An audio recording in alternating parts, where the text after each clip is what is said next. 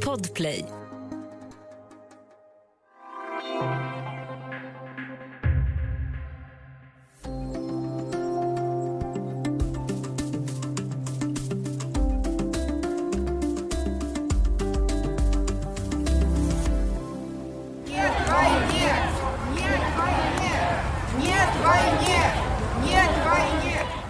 Rysslands president tycks styra den ryska politiken genom envälde. Vladimir Putin har också sett till att han kan vara kvar vid makten under överskådlig framtid. Så vad spelar det för roll vad det ryska folket tycker om Putin och om hans krig? Välkommen till Studio DN. Jag heter Sanna Thorén Björling. Och jag är glad att jag idag har med mig Anna-Lena Laurén, Dagens Nyheters Rysslands korrespondent. Välkommen! Tack så mycket. Du, du har ju varit på resande fot mycket på sistone och du ska snart iväg igen. Men just nu är du i Sankt Petersburg och eh, då undrar jag, hur är stämningen där? Nej, den är inte glad måste jag säga. Alltså, det är ju nog en sak som jag tycker är slående om man jämför med hur det var efter Krim-invasionen och annekteringen 2014. Att, alltså jag, har inte, jag har inte hört en enda människa säga att äntligen har vi visat dem eller äntligen har vi tagit det som är vårt eller något sånt. Utan folk är så här... För det första är det intressant, alltså i metron och på stan, överallt hör jag folk snacka om kriget och, ta, och, och sanktioner. Jag hör sanktioner, man hör sanktioner väldigt ofta och kriget, vilket beror på att att alla ryssar vet att det kommer, det kommer att bli sanktioner och det kommer att bli problem för dem själva. Och, och sen handlar det också om att, att det här är ett krig som är, det är väldigt svårt, för, det, det är liksom helt på ett emotionellt plan väldigt svårt för många ryssar för att man faktiskt betraktar ukrainarna som ett broderfolk. Det, känslan är, den känslan är ju inte längre besvarad av förståeliga skäl. Men, men för, för Ryssland är det som att man inte invaderar sina släktingar. Ryssland har ju startat ett fullskaligt krig i Ukraina. Eh, nu är Ryssland väldigt stort eh, och det är svårt att generalisera, men om du ändå skulle säga något om det där, vad, vad vet ryssen i gemen om kriget? Det beror väldigt mycket på deras mediekonsumtion.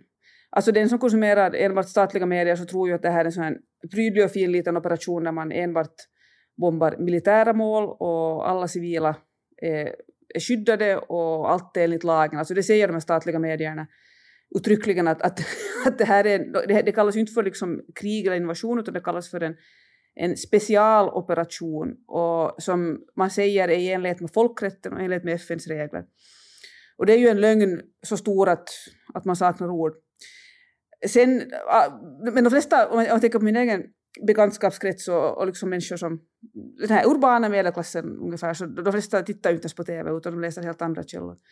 Och, och, det är klart att många vet precis vad som pågår. Alltså på tal om, när det gäller bombningarna så det stämmer ju att Ryssland främst bombar militära mål, men det är ju fortfarande ett krig. Alltså, och de här statliga medierna får det att låta som att det här är inte ett krig utan det är liksom väldigt så här fint och snyggt tillsammans. Men ett krig, och, och det är en invasion, det är vad det Och, och det, det förstår ju nog de flesta som, som där följer med oberoende medier. Men eh, då, Ryssland är ju en diktatur, men ändå inte. Hur kan man skaffa sig information om kriget? Finns, är det, kan, kan den som vill ta reda på allt? Absolut! Alltså, det här är en jätteviktig sak som, som jag alltid försöker understryka. att Det finns hur mycket oberoende information som helst i Ryssland på ryska. Alltså man är inte beroende av att kunna engelska. Man är inte beroende av att liksom vara en hejare med VPN för att ta sig förbi. Eftersom Ryssland i motsats till Kina har, har väldigt få begränsningar på nätet. Alltså man har stoppat vissa sidor men, men ytterst få. Det finns många oberoende ryska medier, och framförallt skulle jag säga då den här tv-kanalen Dost, som rapporterar väldigt bra om det här. Och, och som finns på Youtube, så man behöver inte, alltså de, de lägger ut sina viktigaste sändningar på Youtube, så man behöver inte ens prenumerera. Det är ju en sak som, här, folk här är fortfarande inte hemskt vana vid att betala för sin mediekonsumtion. Så, så det här, det finns information hur mycket som helst och, och det, det är liksom någonting som jag tycker det finns fortfarande, tycker jag, i väst i allmänhet och kanske i Sverige i synnerhet en sån här syn att det är lite synd om ryssarna för att de vet så lite. Att skulle de veta så skulle de förstå. Men att det är ju inte alls så, utan informationen finns faktiskt. Mm. Putin har ju inlett aggressioner mot flera länder tidigare, eh, men den här gången är reaktionerna annorlunda hos befolkningen. Eh, på vilket sätt då? Den stora skillnaden är framför allt att Alltså om man jämför med hur det var i Georgien 20, när, när Ryssland invaderade Georgien 2008, det var ett väldigt snabbt krig och, och det var kanske inte, jag kan inte säga att det var jättepopulärt, men då, då upplevde man att liksom man, man visade USA var skåpet skulle stå, så då var folk nöjda över det. Sen har vi då Krim 2015 var ju liksom en enorm succé och för där upplevde väldigt många ryssar att det här är vårt historiskt och nu har vi tagit tillbaka det och det är liksom rätt. Och, och Syrienkriget så jag kan inte säga att det var populärt i sig, alltså, jag tror att många kanske inte förstod vad, vad, vad, man gjorde där, men, men, men eftersom men Kreml lyckades vända det till att, att visa att det blev en slags uppvisning i hur, hur väl eh, oljad och välfungerande den här, den här nya reformerade ryska armén är. Så att, att det var liksom också, det väckte också på sitt sätt positiva känslor. Men det här väcker absolut inga positiva känslor. Alltså antingen är folk helt emot det eller så försöker de kanske lite försvara det, men, men, men, men när, när, ser, när de försöker försvara så man, man märker att de själva förstår att, att det här är liksom fel. Så istället för att säga att det är rätt och vi gör rätt så säger de ja men titta på vad USA, USA har bombat Irak och Ukraina borde ha uppfyllt Minskavtalet, att man hittar på en massa ursäkter. Men det är ingen som försvarar och säger att jättebra att, att vi har gått in i Ukraina. Det har inte jag hört inte en människa säga. Och vad, vad skulle du säga, du har varit inne på två saker. Det ena är ju då att man faktiskt ser Ukraina som, eh, som grannar, som, som vänliga grannar. Och det andra är ju då att man också drabbas av de här sanktionerna eh, och att man eh, riskerar att hamna då bakom en järnridå eh, igen. Vilket av de här skulle du säga är den starkaste känslan? Det beror kanske också lite på vem man frågar, men, men för väldigt många, framförallt för den urbana medelklassen, så är det nog järnridån. Att människor är, människor är jätterädda för att, att det liksom ska bli som det var på Sovjettiden. Och sen är det väldigt många, ja det är nog lite 50-50 för, alltså nu är det ju väldigt många också som, som är rädda för att, att nu blir det igen ekonomiska problem och nu får man igen liksom, alltså det blir liksom igen knappt om allting och arbetslöshet. Och du och andra journalister har rapporterat om en del protester och så, det finns demonstrationer, men hur, på vilket sätt visar, hur omfattande är de där visar folk vad de tycker? No, de här antikrigsdemonstrationerna de kan ju inte kallas för omfattande. Det här är trots allt ett land med 145 miljoner invånare och igår då så var det ett 50-tal städer som, där det på, förekom protester. Och det största var i Moskva som vanligt, det var kring tusen och här i Sankt Petersburg så var det, jag skulle säga att det var kanske upp till tusen här också. Det var det vi hörde där i början kan vi Precis. tillägga. Ja, där skrek människor niet nej till kriget. Och å ena sidan så förstås är det ju väldigt lite om man tänker på hur stort Ryssland är och hur stor fråga det här är.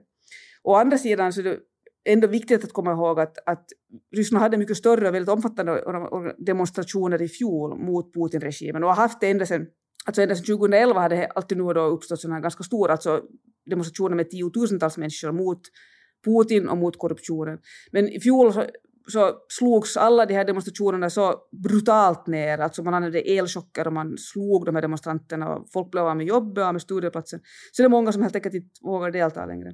Men, men det som jag tycker är, jag tycker det finns två saker här man måste komma ihåg. Att, att å ena sidan så eh, tycker jag inte man ska vara så snabb med att fördöma alla som inte vågar delta. För man kan gå till sig själv, skulle jag våga delta om jag skulle bli av med jobbet, om jag skulle bli, mitt barn kan tas ifrån mig i värsta fall, jag kan bli få elchocker och så vidare. Jag tycker det måste man alltid tänka på.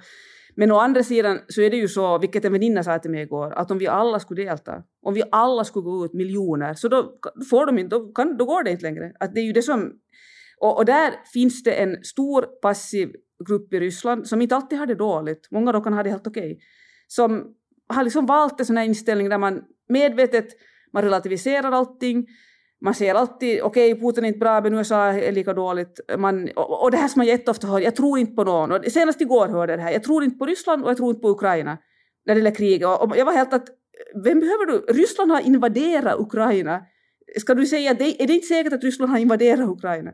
Att, och det är klart att hon förstår att det är absurt, men det är ju ett sätt att liksom hålla det ifrån sig. Och det är den gruppen som har liksom tagit det som ett skydd. Jag tror, jag tror att det, det, på sätt och vis den nog som, som borde liksom börja ta ställning. På det sättet så friskriver man sig ju själv från allt ansvar om man, eh, man säger att ingenting själv, är sant. Mm. Man friskriver sig, från ans, friskriver sig själv som ansvar som du sa och man framställer sig själv som smartare än alla andra. Och det är också något som människor älskar här. Att jag har förstått allting, att, att jag litar inte på någonting och jag tror att det är smart men de bara upprepar det som alla säger hela tiden. Vi återkommer strax till diktaturen i Ryssland.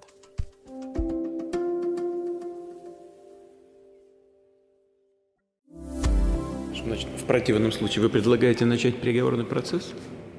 Э, нет, я... Э, э или, при, или, или, или признавать э, суверенитет их. А я, я Говорите, говорите, говорите прямо. Putin grillar chefen för Rysslands utrikesspionage, Sergej Naryshkin, om erkännandet, erkännandet av områdena Donetsk och Luhansk eh, och eh, spionchefen skruvar på sig motvilligt. Anna-Lena Laurén som är med oss idag för att prata om Rysslands krig mot Ukraina. Den här spionchefen, varför är han så besvärad? Ja, det var en bra fråga. Alltså det var ju nog något fantastiskt. Eh, jag, det är sällan man ser personer ur Putin-eliten vara sådär tydligt besvärade. Alltså han var ju väldigt tveksam. Dels tror jag för att de hade ju de förstod ju nog vad som skulle hända när de blev inkallade, men de hade inte blivit förvarnade om vad som Putin kommer att fråga dem. Och, och, han visste att nu måste han svara rätt, annars kommer han få mycket stora problem. Och samtidigt förstod han ju att det här är ett beslut som... Att Putin tvingar ju alla att gå och säga, säga det framför kamerorna att de stöder att, att man erkänner de här olagliga utbrytarrepublikerna. Och han visste att det här kommer att för evigt, jag är fast i historieböckerna för evigt att jag har stött det här. Och alltså, eh, eller en rysk journalistkollega till mig sa att jag, han, man kunde se att Narishkin såg bara Haagtribunalen framför sig. Att han liksom, och det är det som jag tycker är så fascinerande, och jag har ofta tänkt på det i Ryssland när det gäller förhållande till sanningen. För makthavare här ljuger väldigt mycket. Alltså Putin-regimen är fruktansvärt förljugen och det var även Sovjetregimen. Och, och det har ju lett till att man tror, man skulle på något sätt tro att de är vana vid det, att, att, att man är van vid det. Och man är van vid att, liksom att, att man bestämmer sig för att världen är som jag ser den. Och sen är det inte alltid så. Att, man, att, att folk, att Narishki, han visste ju vad sanningen var och det var det som besvärade honom mest av allt. Att, jag menar, om han skulle ha trott på det här att det är jättebra att nu ska vi erkänna LNR och DNR och sen ska vi framåt mot Ukraina, så då hade han ju bara sagt det. Men, men han visste själv att det här är ingen bra idé. Mm.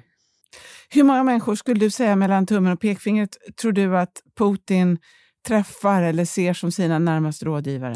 Ja, alltså antal, antalet personer ska jag inte säga, men de är, de är inte många, de som han verkligen litar på. Och av allt att döma så har det varit väldigt... Alltså allt tyder på nu, och det här Ukraina-kriget är ett bra exempel på det, att, eller bra, det är ett fruktansvärt exempel på det, att han helt klart har valt sig att nu omgiva sig med ja-sägare. Alltså personer som tänker på ett visst sätt, som tänker som han och som bekräftar hans tankar.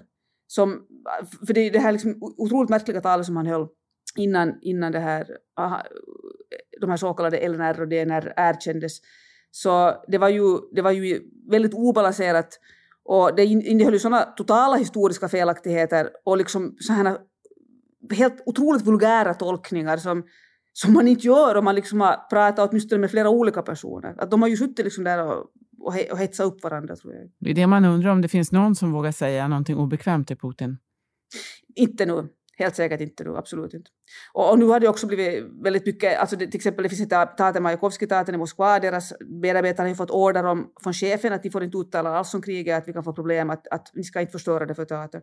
Och det har ju folk sen, det har läckt ut och folk har blivit förbannade, vilket ju på något plan är tröstande att sånt läcker ut i varje fall. Men eh, kanske generaler då, eller oligarker eller gamla vänner, folk, eh, bryr de sig om, de som står nära Putin eller har mycket makt själva, tror du att de bryr sig om vad vanligt folk tycker? Nej.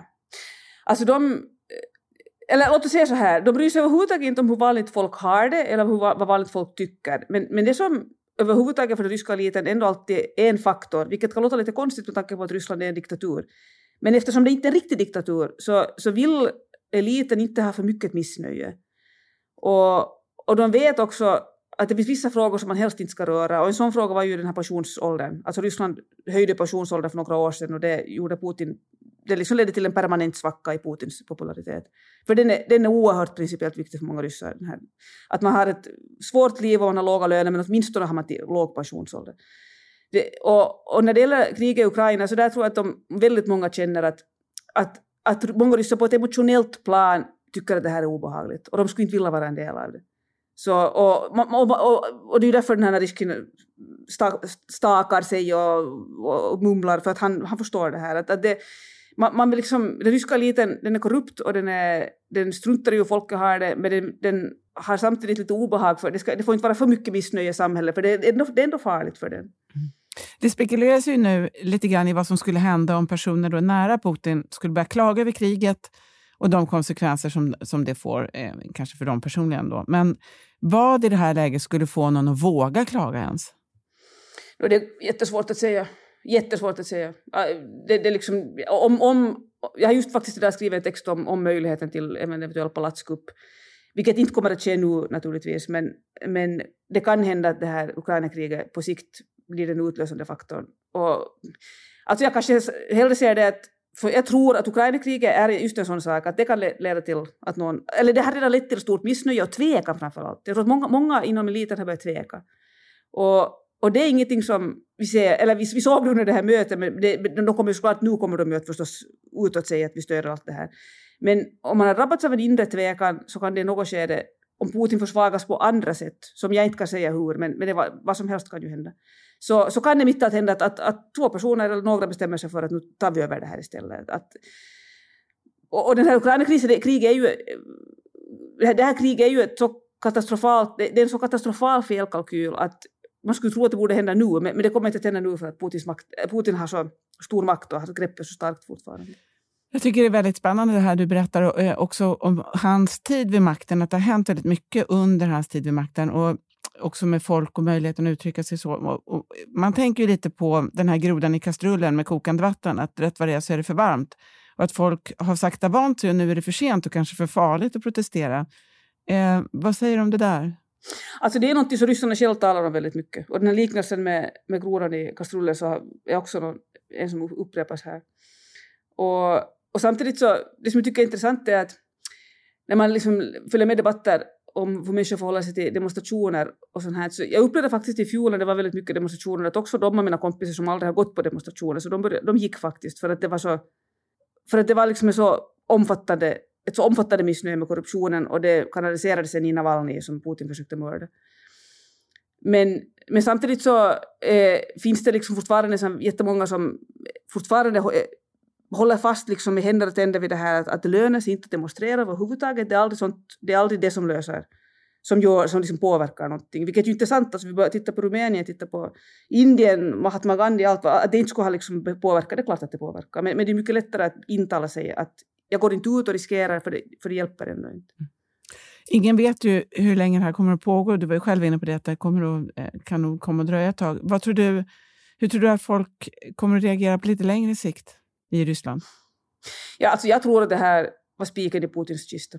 Alltså, och det, det, det, det, det är ingenting som kommer, kommer att ske väldigt snart. Men, men på längre sikt så, så kommer det här mer och mer... Alltså, jag tror att det här var på något sätt det som fick många att inse att, att nu har han gått för långt. Att så här kan vi inte ha det.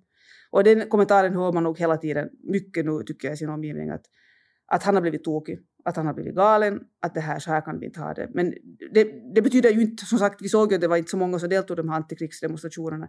Men vad människor liksom själva inom sig har för slutsatser så, så jag tror att att liksom Putin i det här har han definitivt förlorat ryssarnas stöd. Men, men det kan ta väldigt lång tid innan det, eller, eller åtminstone kommer det ta tid innan det märks konkret. Så bara avslutningsvis då, vilka signaler eh, hos ryssar som du känner eller talar med framöver kommer du att vara uppmärksam på? No, den där som människor börjar säga att de är beredda att ut på gatan och protestera, att verkligen konkret göra någonting, som det var under 2021, så, så då, då det, det kommer jag att... Det, det är intressant. Men samtidigt, det där är också svårt att säga, för det är alltid, det är alltid först när saker, sen när saker börjar hända som man förstår att nu har det verkligen hänt. Och de här demonstrationsvågorna som vi har haft mot Putin-regimen och mot korruptionen, så de har ju alltid kommit ganska mitt i allt. Så jag tror, jag tror att sedan de kommer, och jag vet att de kommer, så jag kommer inte att liksom märka, alltså mitt i allt så är vi bara där igen. Mm. Tusen tack för att du var med idag, Anna-Lena, och var försiktig. Tack.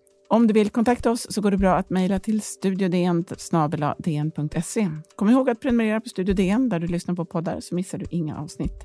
Studio DN görs för Podplay av producent Sabina Marmelaka, ljudtekniker Patrik Miesenberger och teknik Jonas Lindskog på Power Media. Jag heter Sanna Thorén Björling.